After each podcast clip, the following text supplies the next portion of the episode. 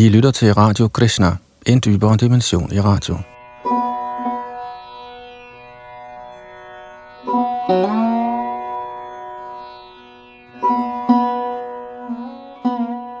Så skal vi i gang med Bhagavad Gita's første kapitel, efter at vi i de to forrige udsendelser i denne serie har været igennem Srila Prabhupads meget omfattende og oplysende indledning.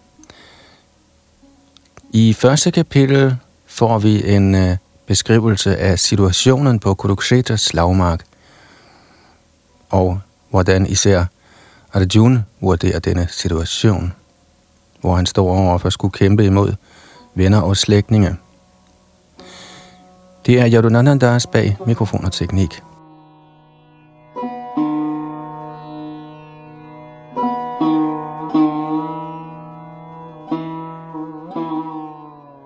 Bhagavad Gita, første kapitel, på Kurukshetras slagmark. Tekst 1. Dharatarashtra uvacha, dharma kshetre kurukshetre samaveta yuyutsavaha, mamaka pandavaschaiva, kim akuravata sanjaya. Dharatarashtra sagde, O Sanjay, da mine og Pandus sønner havde forsamlet sig på pilgrimstedet ved Kurukshetra med et ønske om kamp, hvad foretog de sig? Hertil øh, kommenterer Srila Prabhupada. Bhagavad Gita er den vidt læste teistiske videnskab, der bliver opsummeret i Gita Mahatmya, lovprisning af Gita. Deri står, at man må læse Bhagavad Gita meget omhyggeligt med hjælp af en person, der er Sri Krishnas hengivne, og forsøger at forstå den uden personligt motiverede fortolkninger. Eksemplet på en klar forståelse gives i Bhagavad Gita selv, ved den måde, hvorpå undervisningen blev forstået af Arjuna, der hørte Gita direkte af Herren. Er man så heldig at forstå Bhagavad Gita i disciplerækkens linje, uden personlige motiver, overskrider man alle studier af vedisk visdom til lige med alle verdens skrifter. Man vil i Bhagavad Gita finde alt, der er indholdt i andre skrifter, men læseren vil desuden finde ting, der ikke kan findes andre steder. Det er Gitans særstilling. Den er den fuldkommende ateistiske videnskab, fordi den direkte tales af guddommens højeste person, Herren Shri Krishna.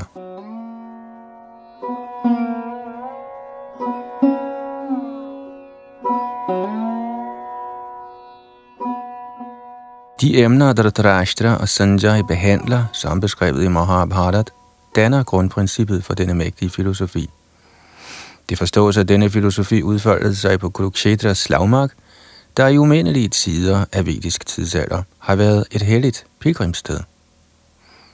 Den blev talt af Herren, da han personligt var til stede her på planeten for at vejlede menneskeheden.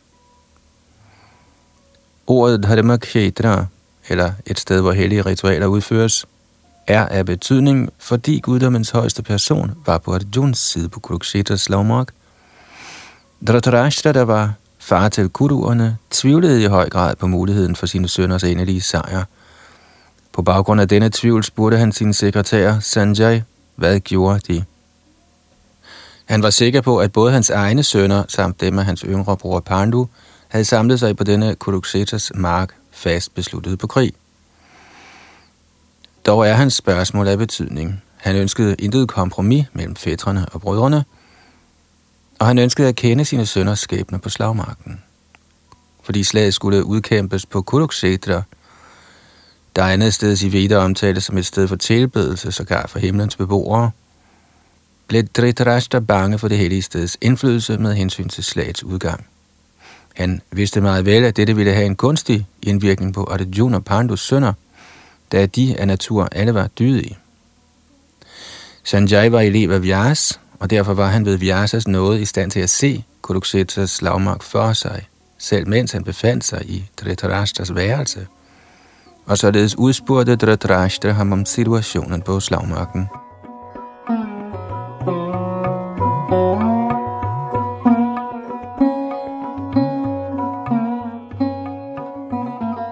Både Pandavarerne og Dhritarashtras sønner tilhører samme familie, men Dhritarashtras sind røbes her. Han omtalte bevidst sine sønner som kuruer, og han adskilte Pandus sønner fra familiens arv – man kan således forstå Dhritarashtas særlige holdning til sine nevøer, Pandus sønner. Ligesom man på rismarken fjerner unødvendige planter, forventes det allerede fra begyndelsen af disse emner, at der på Kuruksetras religiøse mark, hvor religionens fader Shri Krishna var til stede, ville ske en udryddelse af uønskede planter, såsom Dhritarashtas søn Duryodhan med flere, samt at de gennemgribende religiøse personer under ledelse af Yudhishthir ville blive etableret af Herren. Dette er betydningen af ordene Dharma Kshetre og Kurukshetre, ud over deres historiske og vediske betydning i øvrigt.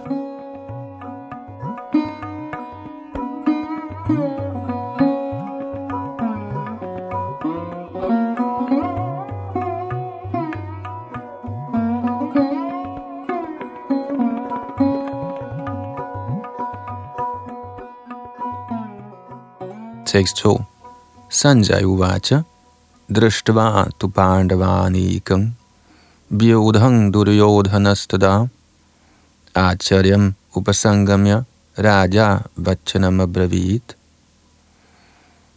Sanjay sagde, O konge, da han havde beset hæren, der af Pandus sønner var blevet opstillet til kamp, gik kong Duryodhan til sin lærer og sagde følgende. Kommentar Dhritarashtra var født blind. Desværre var han også blottet for åndeligt syn. Han var fuldstændig klar over, at hans sønner var ligeledes blinde, når det gjaldt religion, og han var sikker på, at de aldrig ville kunne nå til enighed med pandavarne, da alle var dydige fra fødslen.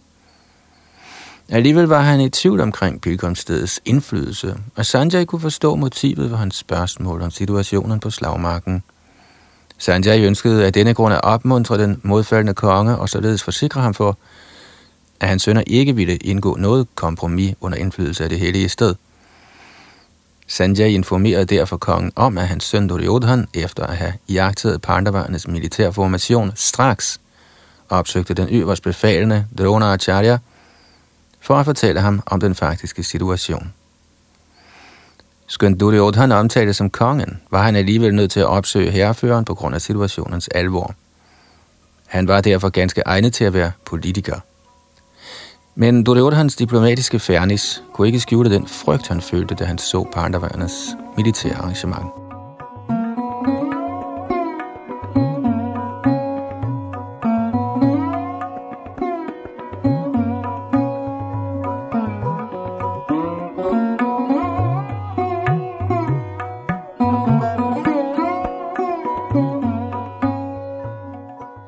Tekst 3 Pashaitang Putranam Acharya Mahating Chamum. Vyodhang Drupada Putrena Tavashishriena Dhimata O min lærer, se den mægtige her tilhørende Pandus sønner, så dygtigt opstillet af din begavede disciple Drupads søn. Kommentar. Duryodhan, der var en stor diplomat, ønskede at gøre opmærksom på den fejl, der var blevet begået af Dronacharya, den mægtige brahmin herrefører.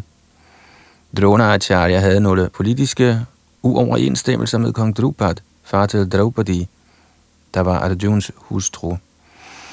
Som følge af denne uenighed opstillede Drupad et stort offer, hvorved han modtog den velsignelse, at han ville få en søn, der kunne slå Dronacharya ihjel. Dronacharya var klar over dette, men som frisindet brahmin tøvede han ikke med at afsløre alle sine militære hemmeligheder, da Drupads søn, Drishtadyumna, blev betroet ham til militær uddannelse. På Kurukshetas slagmark sluttede Drishtadyumna sig til Pandavernes side, og det var han, som opstillede deres militære falangs efter at have lært kunsten af Dronacharya. Duryodhan påpegede denne Dronacharyas fejl, for at han skulle være opmærksom og kompromilløs i kampen. Herved ønskede han også at pege på, at han ikke skulle være skånsom i kampen mod Pandavarne, der også var Dronacharyas kære elever. Især var Arjuna hans allermest hengivne og strålende elev. Duryodhan gav også den advarsel, at sådan skånsomhed i kampen ville føre til nederlag.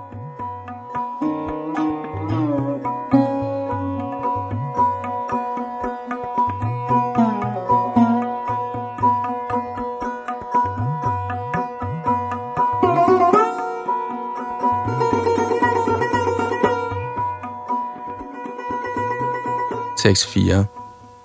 Atra Shura Maheshvasa Bhimarjuna Samayudhi Yuyudhano Viratascha Drupadascha Maharatha I denne her er der mange heltemodige bueskytter, der kan måle sig med Bhim og Arjun. Mægtige krigere såsom Yuyudhan, Virat og Drupad. Kommentar Selvom Drashtadyumna ikke var nogen større hindring i lyset af Dronacharyas umådelige styrke i den militære kunst, var der mange andre, der gav anledning til frygt. Duryodhana omtaler dem som store anstødsten på vejen til sejr, der hver af dem var lige så formidable som Bhim og Arjun.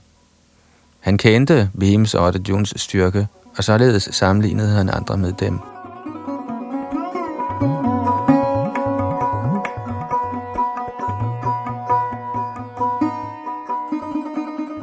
Tekst 5 Drashtaketushchikdana Kashirajas Chaviryavan Purajit Kunti Bhojas Cha Shaibjas Chanarapungavaha Der er også mægtige, heldemodige og magtfulde krigere, såsom Drashtaketo, Chekidana, Gashiraj, Purajit, Kunti Bhoja og Shaibya.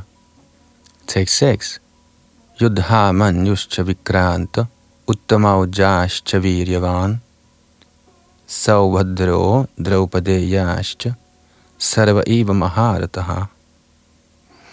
Her er den mægtige Yudhamanyu, den i højeste grad magtfulde Uttamauja, Subhadras søn og Draupadis sønner. Alle disse krigere er storslåede stridsvognsmænd. Tekst 7.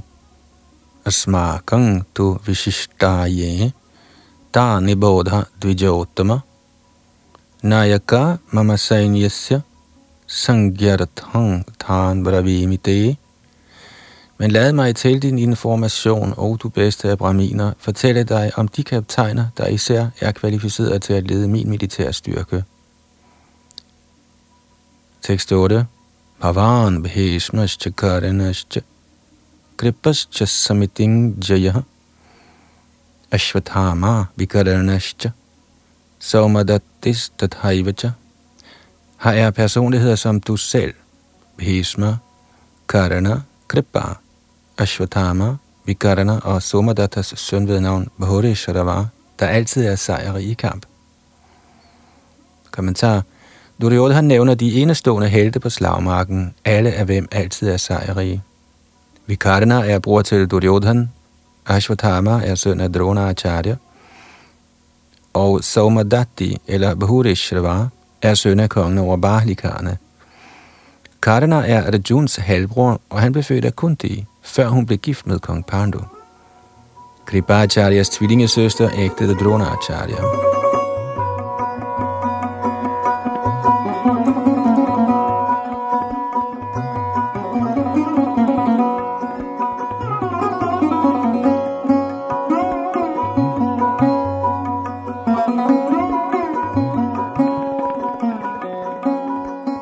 Tekst 9. Anyecha bahava shura madarthe tyakta jivitaha nana shastra praharana sarve yudha visharadaha. Der er mange andre helte, redde til at ofre deres liv for min skyld. De er alle udstyret med forskellige typer af våben, og er alle erfarne i den militære videnskab. Kommentar for så vidt angik de andre, såsom Jayadrat, Kritavarma og Shalya, var de alle indstillet på at ofre deres liv for Duryodhans skyld. Med andre ord kan det allerede konkluderes, at de alle ville dø i Kuruksetas slag for at have taget den syndige Duryodhans parti. Duryodhan var selvfølgelig sikker på sin sejr på baggrund af sine venners ovennævnte styrke.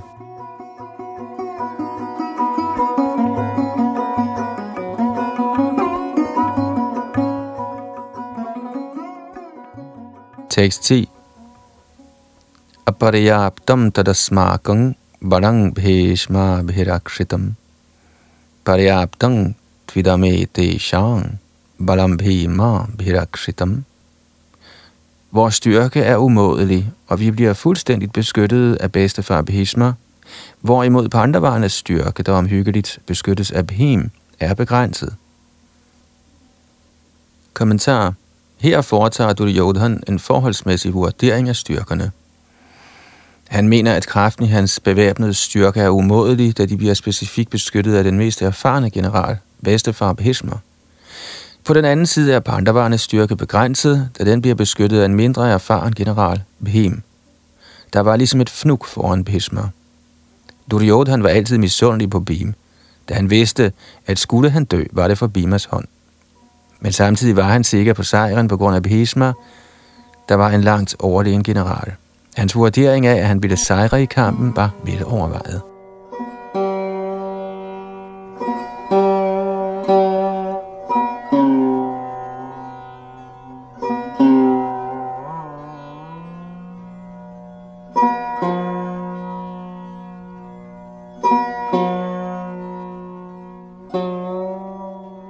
Tekst 11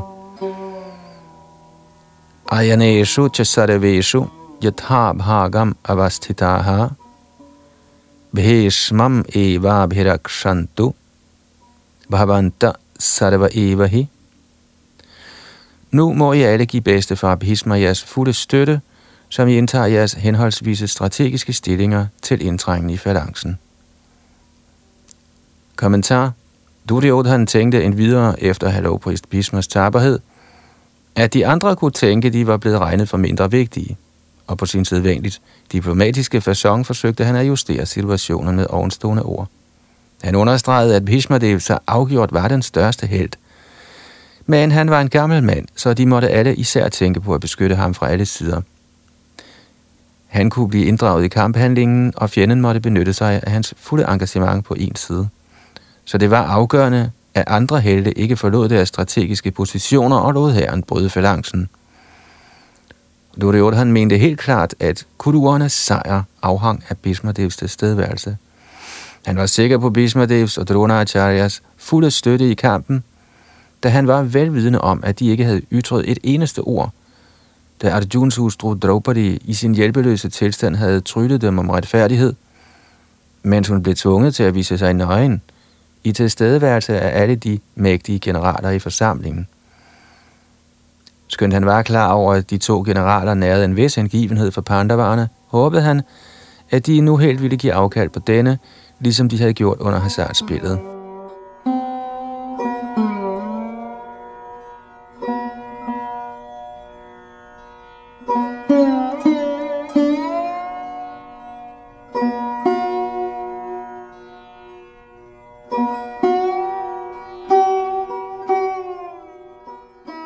Tekst 12.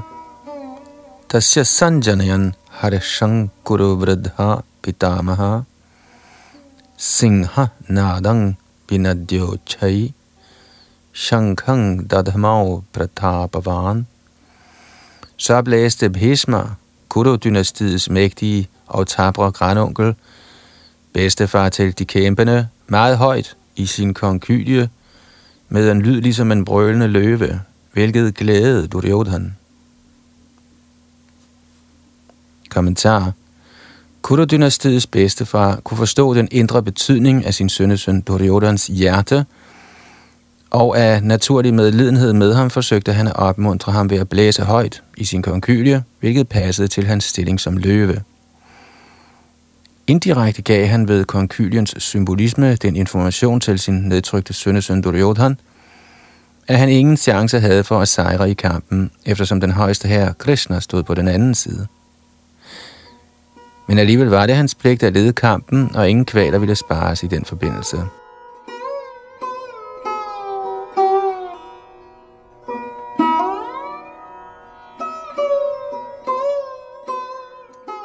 Tekst 13. Tata Shankash Chabheriascha Paravanak Kagomukha sahasaiva bjahanyanta sashabdas tumulo havat. Herefter genlød lige pludselig alle konkylierne, trommerne, trompeterne og hornene, og den samlede lyd var voldsom. Tekst 14. Tata shveta hayar yukte mahati shandanest hitau madhava parnavaschaiva divyau shankau pradadhamatuhu på den anden side blæste både herren Krishna og Arjuna der var posteret på en mægtig stridsvogn trukket af hvide heste i deres transcendentale konkylier. Kommentar I kontrast til den konkylie Bhishma det blæste i, bliver konkylierne i hænderne på Krishna og Arjuna beskrevet som transcendentale. Lyden af de transcendentale konkylier antydede, at der intet håb om sejr var for den anden side, da Krishna stod på Pandavarnes side. Jayastu Pandu Putranang Yeshang Bakshe Janardanaha Sejren er altid med personer som Pandus sønner, eftersom Herren Krishna forbindes med dem. Og hvor Herren er, er også lykkegudinden, da lykkegudinden aldrig lever alene uden sin ægte mand. Så sejren og lykken ventede på Arjuna, som antydet med den transcendentale lyd, der blev frembragt af Vishnus eller Herren Krishnas konkylie. Herudover var den stridsvogn, de to venner befandt sig i, blevet skænket af Agni, ildguden, til Arjuna, hvilket pegede på, at denne stridsvogn kunne erobre alle sider, uanset hvorhen i de tre verdener den blev trukket.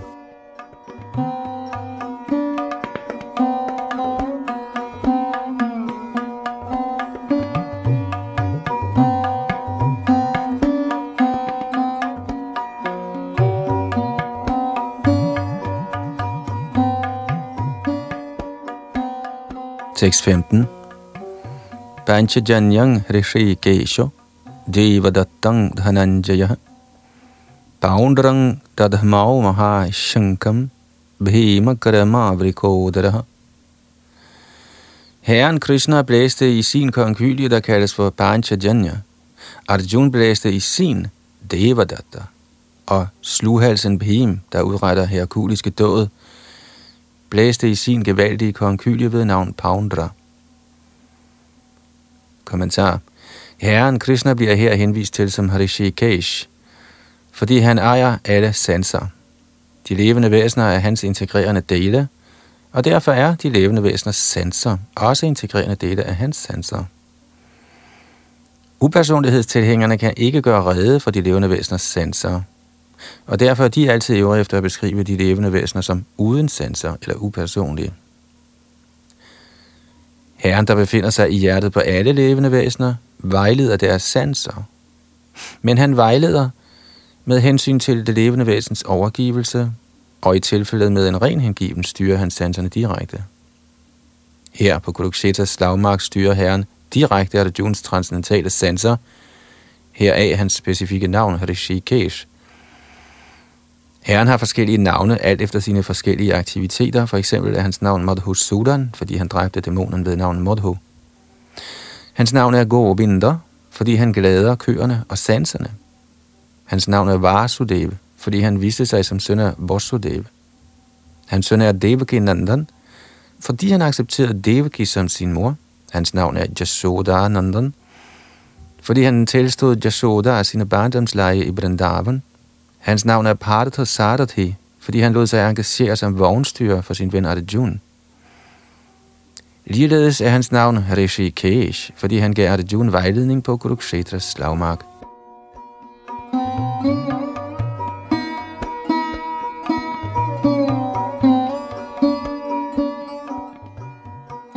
Arjuna bliver i dette vers henvist til som Dhananjay, fordi han hjalp sin ældre bror med at skaffe rigdom, da kongen skulle bruge midler til forskellige ofre. Ligeledes er Bhim kendt som Vrikodar, fordi han kunne æde lige så glubende, som han kunne begå herkuliske dåd, som for eksempel at dræbe dæmonen Hirimba. Således var de bestemte slags konkyler, der bevægstiger de forskellige personer på Pandavandes side, begyndende med herrens, alle i høj grad opmuntrende for kampsoldaterne. På den modsatte side var der ingen sådanne fortjenester, ej heller Herren Krishnas tilstedeværelse som den højeste vejleder, ej heller den af lykkegud inden. Således var de forudbestemt til nederlag, og det var det budskab, der blev forkyndt ved lyden af konkylierne.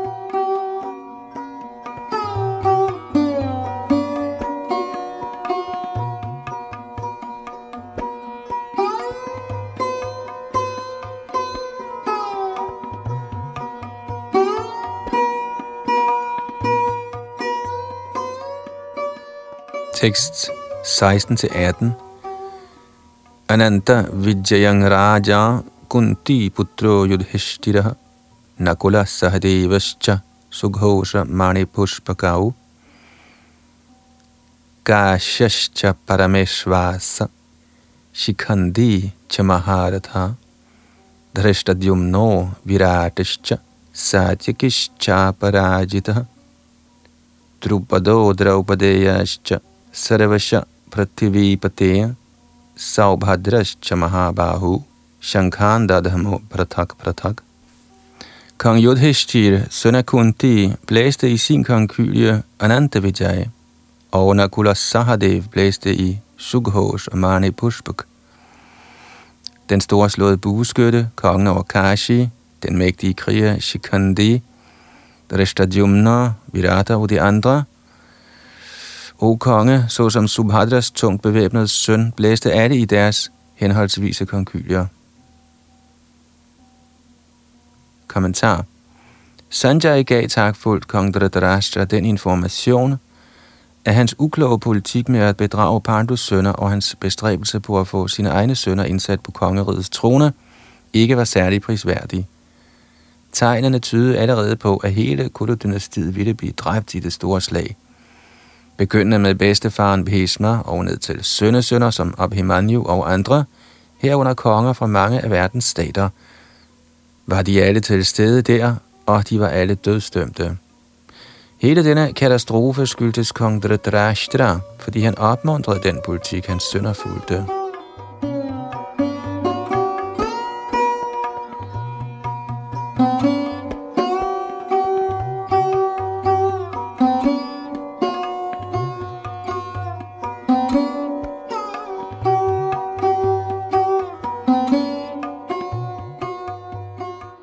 Tekst 19. Saghoshod hartarashtaranang hridayani vyadarayat nabhascha prathiveng chaiva tumulo bhyanonadayan. Larmen af de forskellige konkylier blev stormende. Med genlyd i både himmel og jord knuste den hjerterne på Dhritarashtras sønner. Kommentar Da Bhishma og de andre på Duryodhans side blæste i hver deres konkylier, var der ingen knuste hjerter på Pandavarnes side. Der nævnes ingen sådanne ting, men i dette vers siges det, at hjerterne på Dhritarashtas sønner blev knust af den lyd, der blev frembragt af Pandavarnes parti. Dette skyldes Pandavarne og deres tillid til Herren Krishna. Den, som søger den højeste herres ly, har intet at frygte, selv midt i den største ulykke.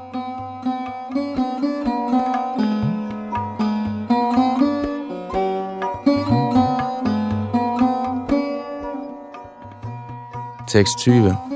Athavyavastithan drishtva dartarashtran kapidhvajaha pravritte shastra sampate dhanur udhyama pandava rishikeshang tada vakyam idamaha mahipati Arjun, søn af Pandu, der sad i stridsvognen, der bar et flag brydet med Hanumans emblem, hævede på det tidspunkt sin bue og gjorde sig klar til at affyre sine pile.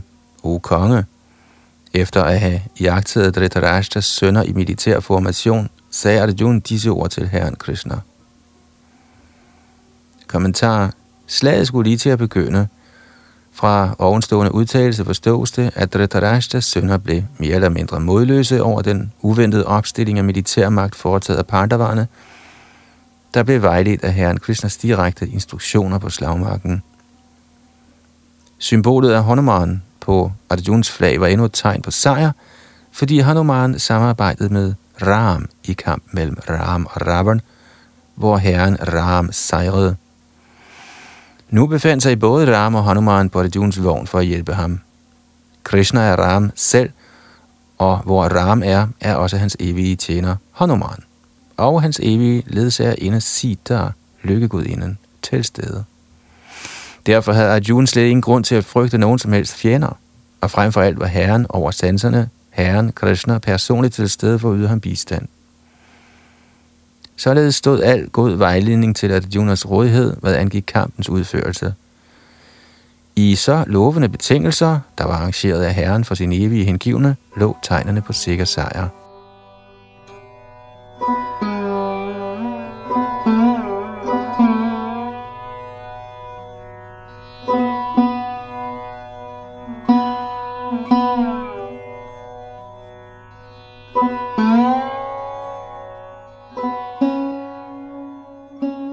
Tekst 21 og 22. Arjun Uvacha. Senayor ubhayor madhye rathang sthapaya mechutta. Yavadetan nirikshehang yodhu kaman avasthitan. Gairmaya saha yodhavyam. Asmin rana samudyame. Arjun sagde, O du ufejlbarlige, Før venligst min stridsvogn ind mellem de to herrer, således at jeg kan se dem, der er til stede her, opsat på kamp, og imod hvem jeg må strides i denne mægtige styrkeprøve. Kommentar. Selvom Herren Krishna er guddommens højeste person, var han ved sin årsagsløse barmhjertighed blevet engageret i sin vens tjeneste. Han er aldrig fejlende i sin kærlighed til sine hengivne, og således tiltales han her som ufejlbarlig. Som vognstyrer måtte han adlyde Arjuns befalinger, og da han ikke tøvede hermed, tiltalte han som ufejlbarlig. Selvom han havde accepteret stillingen som sin hengivnes vognstyrer, var hans stilling som den højeste ikke udfordret. Under alle forhold er han guddommens højeste person, Rishi Kesh, herren over alle sanserne. Forholdet, herren og hans tjener imellem, er i højeste grad behageligt og transcendentalt. Tjeneren er til enhver tid reddet til at yde Herren tjeneste, og ligeledes søger Herren altid efter en lejlighed til på en eller anden måde at tjene den hengivne. Han finder større behag i, at hans rene hengivne indtager den fordelagtige stilling af at befale ham, end han gør ved at være den, der befaler. Da han er Herren, er alle under hans befaling, og ingen står over ham til at befale ham. Men når han oplever, at den rene hengivne befaler ham, er dette ham en transcendental fryd, selvom han under alle omstændigheder er den ufejlbarlige herre.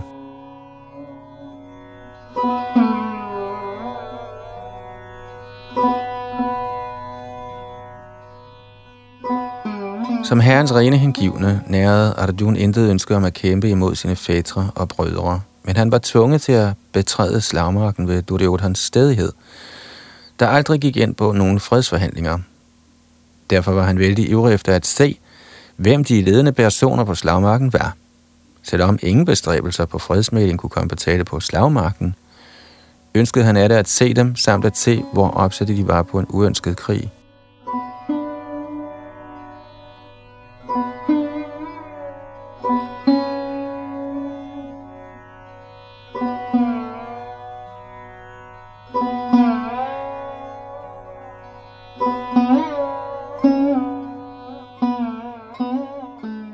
Tekst 23.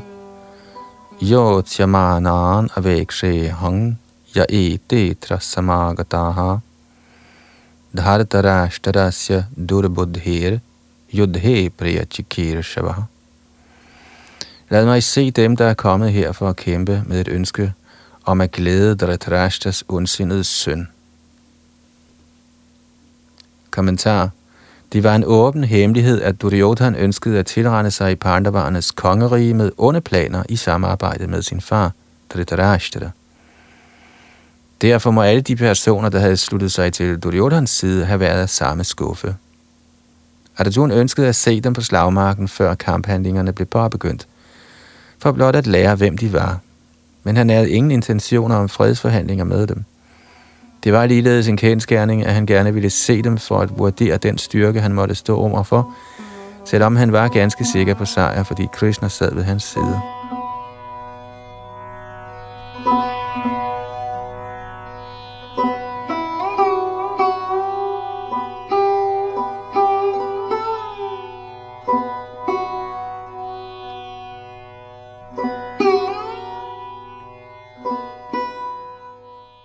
Tekst 24.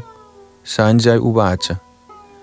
Eva Mukto Rishi Kesho Gura Keshena Bharata Senayor Ubhayor Madhye Stapayitva Rathotamam Sanjay sagde, O du Bharats efterkommer, således tiltalt af Arjuna førte herren Krishna den fine stridsvogn ind mellem de to herrer. Kommentar i dette vers bliver Arjuna henvist til som Gura Gudaka betyder søvn, og den, som besejrer søvnen, kaldes for Gudakesh. Søvn betyder også uvidenhed. Således overvandt Arjuna både søvnen og uvidenhed ved sit venskab med Krishna. Som Krishnas storslåede hengivne kunne han ikke glemme Krishna, end ikke for et øjeblik, eftersom dette er den hengivnes natur.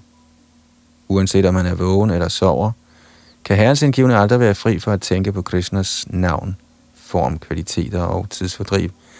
Således kan Krishnas indgivende besejre både søvn og uvidenhed ved simpelthen at tænke på Krishna hele tiden. Dette kaldes for Krishna bevidsthed eller samadhi. Som Harishikesh, eller vejleder af alle de levende væseners sind og sanser, kunne Krishna forstå Arjuns hensigt med at få kørt vognen ind mellem herrene. Således gjorde han dette og talte som følger.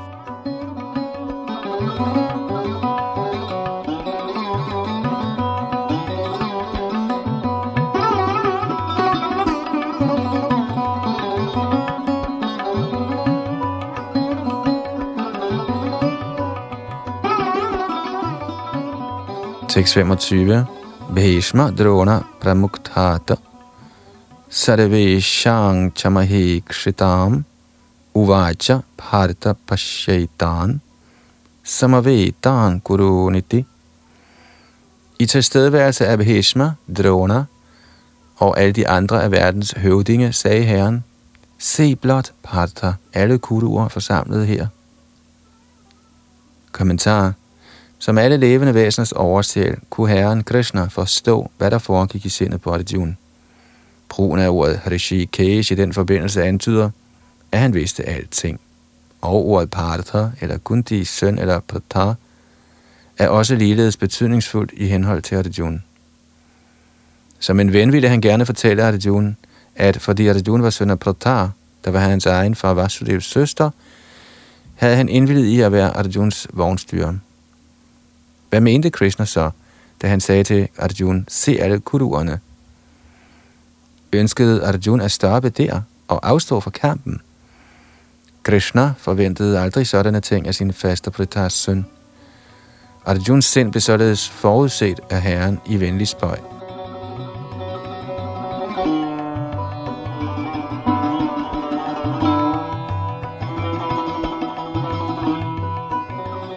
Tekst 26.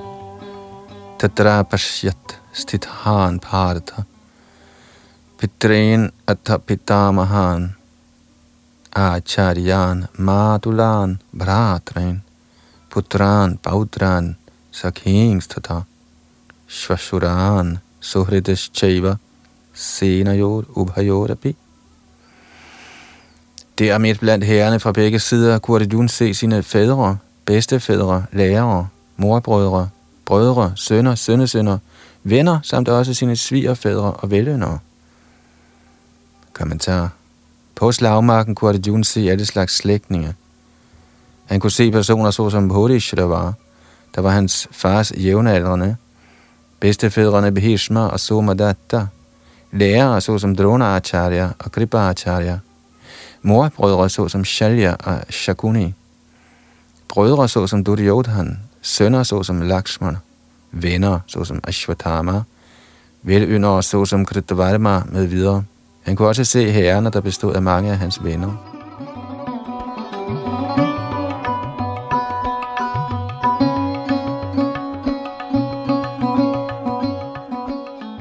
Tekst 27.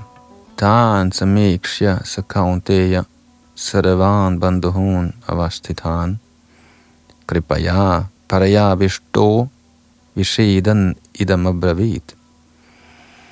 Da Kuntis søn Arjun så alle disse venner og slægtninge, blev han overvældet af medlidenhed og talte som følger. Tekst 28. Arjuna Uvacha. Drishtve mang sarvajanang krishna. Yoyotsung samupastitam. Sidanti mamagatrani mukhang cha parishushyati. Arjun sagde, kære Krishna, Besynet af mine venner og slægtninge stående foran mig opsat på kamp, føler jeg, at mine lemmer skælver og min mund tør ud. Kommentar. En hver, der er herren ægte hengivenhed, ejer alle de gode kvaliteter, man finder i godelige personer eller i halguderne. Hvorimod den ikke hengivne, uanset hvor fremskreden han ellers måtte være i uddannelse og kultur, mangler gudelige kvaliteter. Som så blev Arjuna ved synet af sine nære og kære, venner og slægt på slagmarken, straks overvældet af medlidenhed med alle dem, som var besluttet på at kæmpe med hinanden. For så vidt angik hans egne soldater, var han medfølende allerede fra begyndelsen, men han følte sig gar med lidenhed med modstandersidens soldater, da han forudså deres umiddelbare død. Og mens han tænkte således, begyndte hans lemmer at skælve, og hans mund tørrede ud. Han var mere eller mindre overrasket over at se deres kampbånd. Praktisk talt var hele samfundet, hvor alle var blodsbeslægtet med Arjun, kommet for at kæmpe med ham. Dette overvældede en venlig hengiven som Arjuna. Skønt det ikke nævnes her, kan man let forestille sig, at ikke alene begyndte Arjunas lemmer at skælve og hans mund at udtørre, men han græd også af medlidenhed. Sådanne symptomer i Arjun skyldtes ikke svaghed, men hans bløde hjerte. Der er et særpræg ved herrens rene hengivne. Det siges derfor, Yasyasti bhakti bhagavatya kinchana sarvair gunais tatra samasate suraha haraba bhaktasya kuto mahadguna manorathe nasati dhavato bahihi. Og det betyder, den som nærer guddommens person urokkelig hengivenhed, besidder alle halvgudernes gode kvaliteter, men den som ikke er herrens indgivende, er alene i besiddelse af materielle kvaliteter, der er af ringe værdi. Dette skyldes, at han svæver på det mentale plan, og med sikkerhed vil lokkes af den blændende materielle energi. Og det er fra Bhagavats 5. bog, kapitel 18, tekst 12.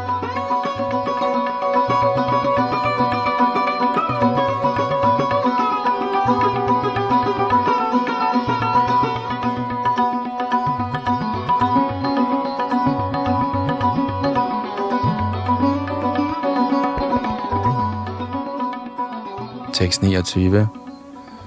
Ve badhushcha sharire me roma harishashcha jayate gandevang srangsate hastat tvak chaiva paridadhyate.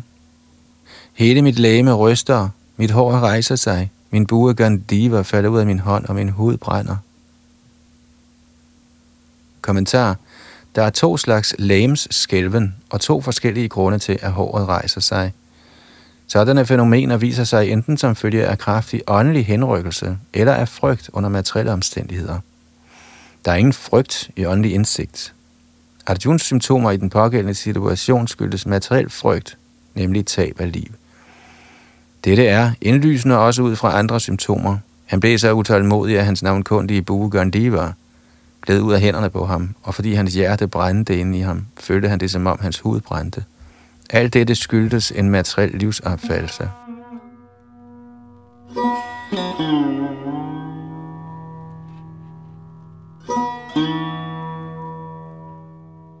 Tekst 30 Natcha shaknom vasthatum brahmati vachame manaha. Nimittani chapashyami viparitani keshava. Jeg er nu ude af stand til at stå her længere, jeg glemmer mig selv, og mit sind kører i ring. Jeg ser kun årsager til ulykke, o Krishna, du Keshi dæmonens drabsmand. Kommentar. På grund af sin utålmodighed var Arjuna ud af stand til at blive på slagmarken, og han glemte sig selv på grund af sit sinds svaghed. Alt for stærke bånd til materielle ting bringer et menneske i en sådan forvirret tilstand af eksistens. Vajang dvitiya bhinaveshata syat sådan frygt og sådan tab af sindslige vægt finder sted i personer, der i for høj grad berøres af materielle betingelser. Arjun forudså kun smertelige nederlag på slagmarken. Han kunne ikke engang blive lykkelig ved at besejre sin fjende. Ordene nimiddani viparidani er af betydning.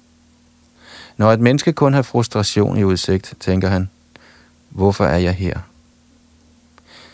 Alle har sig selv og sin egen velfærd på sinde. Ingen er interesseret i det højeste selv. Arjuna viser tegn på uvidenhed om sin egen nytte ved Krishnas vilje. Ens egen nytte ligger i Vishnu, eller Krishna. Den betingede sjæl glemmer dette og lider af denne grund materielle kvaler. Arjuna tænkte, at hans sejr i kampen kun ville bringe ham sorg.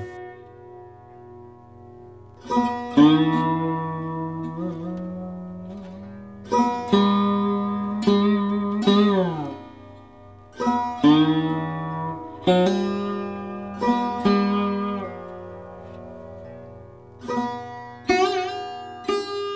31 Natcha shreyo no pashyami hatva svajnamahavi Nakankshi vijayang krishna Nacharajang sukhanicha Jeg kan ikke se, hvordan noget godt kan komme ud af drabet på mine egne slægtninge i denne kamp. Ej heller kan jeg, min kære Krishna, efterfølgende begære sejr, kongerige eller lykke. Kommentar uden viden om, at ens egen nytte er i Vishnu eller Krishna, lader betingede sjæle sig tiltrække af lægemsforhold med et håb om lykke i sådanne situationer. I en således blind livsopfattelse glemmer de sågar årsagerne til materiel lykke. Arjuna lader til endda at have glemt kshatriernes moralkodex. Det siges, at to slags mænd, nemlig kshatrien, der dør direkte på slagmarken under Krishnas personlige ordre, og personerne i den forsagende orden, der er fuldstændigt helliget åndelig kultur, er berettiget til at trænge ind i solkloden, der er så mægtig og strålende. Arjuna er tøvende overfor sågar at slå sine fjender ihjel, end sige sine slægtninge. Han tror, at han bedrabet på sine slægtninge ingen lykke vil få i sit liv. Og derfor vil han ikke kæmpe, ligesom den, som ikke er sulten, ikke har lyst til at lave mad. Han er nu besluttet på at drage i skoven og leve et afsondret liv i frustration. Men som kshatriya skal han bruge et kongerige til sin opretholdelse, da kjatrierne ikke kan indlade sig på noget andet erhverv. Men Arjuna er uden kongerige. Hele Arjuns mulighed for at vinde et kongerige ligger i kampen med hans fædre og brødre, og i at kræve det kongerige tilbage. Han havde arvet af sin far, hvilket han ikke ønsker at gøre. Han mener derfor, at han egner sig til at drage i skoven og leve et ensomt liv i frustration.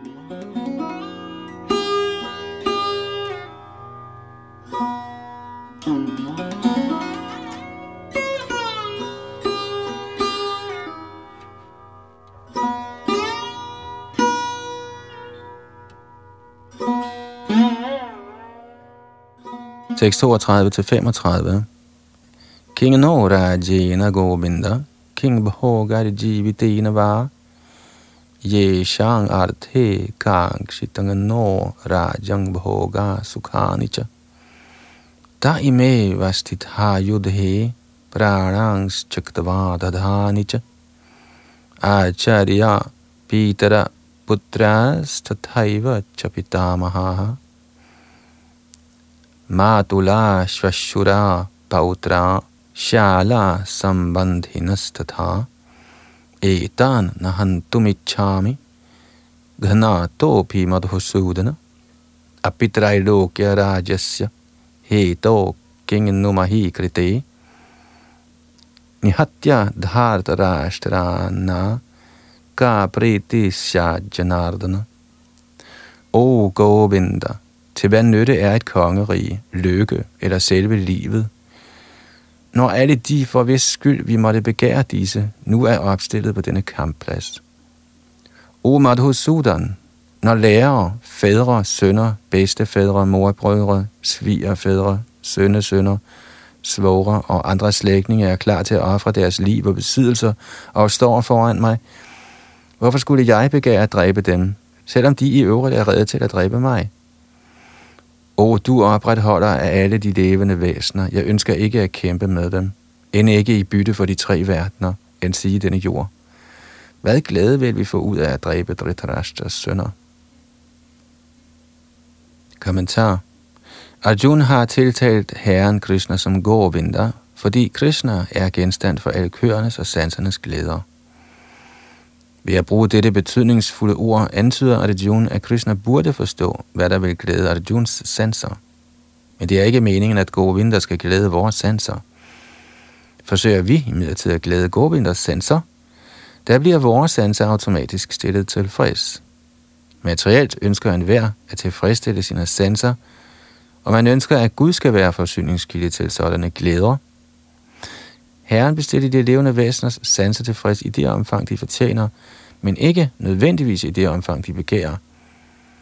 Men når man går den modsatte vej, nemlig når man forsøger at behage sanserne på gode vinter, uden at begære ens egen sanse tilfredsstillelse, der vil det levende væsen ved Gorvinders barmhjertighed få tilfredsstillet alle sine ønsker. Arjuns dybe kærlighed til samfund og familie kommer til udtryk her, delvis på grund af hans naturlige medlidenhed med dem. Han er derfor ikke reddet til at kæmpe. Alle ønsker at fremvise deres rigdom for venner og slægt, men Arjun frygter, at alle hans slægtninge og venner vil blive dræbt på slagmarken, og at han således ikke vil kunne dele sine rigdomme med dem efter sejren. Dette er en typisk overvejelse i det materielle liv. Det transcendentale liv er dog anderledes. Fordi den hengivne gerne vil opfylde Herrens ønsker, kan han, hvis Herren vil, acceptere alt slags rigdom til Herrens tjeneste, og hvis Herren ikke vil, skal han ikke acceptere en krone. Arjuna ønskede ikke at dræbe sine slægtninge, og skulle der være noget som helst behov for at slå dem ihjel, ønskede han, at Krishna dræbte dem personligt. På det tidspunkt var han ikke klar over, at Krishna allerede havde dræbt dem, før deres ankomst på slagmarken, samt at han udelukkende skulle være Krishnas instrument. Denne kendskærning bliver afsløret i kommende kapitler. Som herrens naturlige hengivne Kordajun ikke lige at skulle hævne sig på sine skurkagtige fætre og brødre, men det var herrens plan, at de alle skulle dræbes. Herrens hengivne hævner sig ikke på forbryderen, men herren tåler ikke, at mistederne på nogen måde gør den hengivne fortræd. Herren kan tilgive en person på sin egen konto, men han tilgiver ingen, der har gjort hans hengivne fortræd. Derfor var herren opsat på at slå skurkene ihjel, selvom Arjunen ville tilgive dem.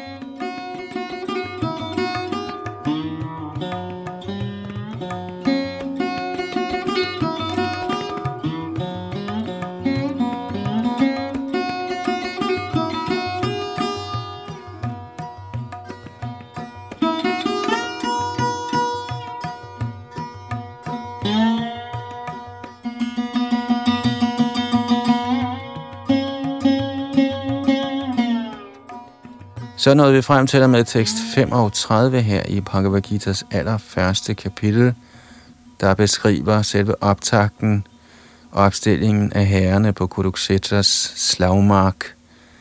Der er et stykke tilbage her af første kapitel, før vi skal ind i andet kapitel, som vi dog ikke når i denne ombæring.